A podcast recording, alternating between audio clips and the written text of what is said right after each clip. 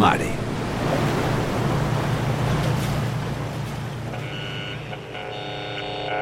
Ray and purple smoke is... Today the guns are silent. A great tragedy has ended. A great victory has been won. Itxas armadako konbandantzean gaude. Mila bederatzeron sortziko abenduaren emeretzia da, eta Gipuzkoako ozeanografia elkartea eratzen ari da.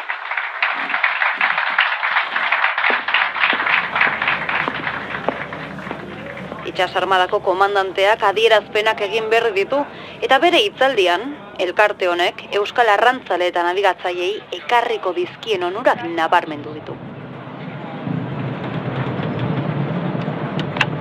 Alberto Lehenak, Monakoko printzeak, elkartera material zientifikoa bidali du.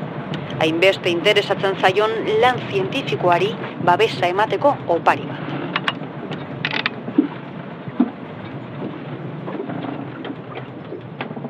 Beraz, asmo adierazpenaren txanda iritsi da, Gipuzkoako ozeanografia elkartearen filosofiarekin lerrokatutako desioen zerrenda oso bat. Honako hau adierazi dute. Itxasoan bildutako datuak aztertzeko eta aleak behar bezala tratatu eta kontserbatzeko laborategi bat sortuko dute. Ozeanografiari, meteorologiari, arrantzari eta arrain birpopulaketari buruzko jakintza modernoak zabaltzeko helburu argiarekin, Gipuzkoako ozeanografia elkartearen organo gisa, hiruilean behin buletin bat argitaratzeko konpromisoa hartu dute. Ezaugarri hauetariko Espainiako estatuan lehena izango dena. Beste konpromiso handietako bat arrantza eskolaren sorrera izango da Espainia osoko lehena. Euskal Itxas sondarea transmititzeko asmoz, Euskal Untzi Museo Historikoa sortuko dute, eta Juan Sebastian Elkanok mila bosteun hogeita bigarren urtean munduari emandako lehen itzuleraren laugarren mendeurrena ospatzea proposatuko dute. Amaitzeko, azken helburu nagusia itxas jauregia eraikitzea izango da.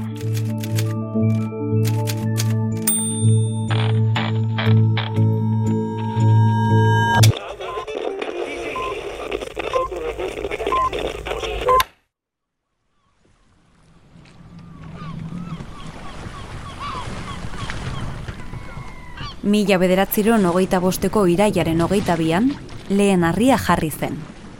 Eta mila bederatziron hogeita zortziko urriaren batean, itxas gauregia, akuariuma, inauguratu zen ofizialki.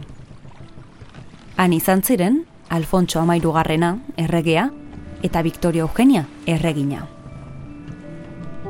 Proposatu zuten guztia, lortu zuten.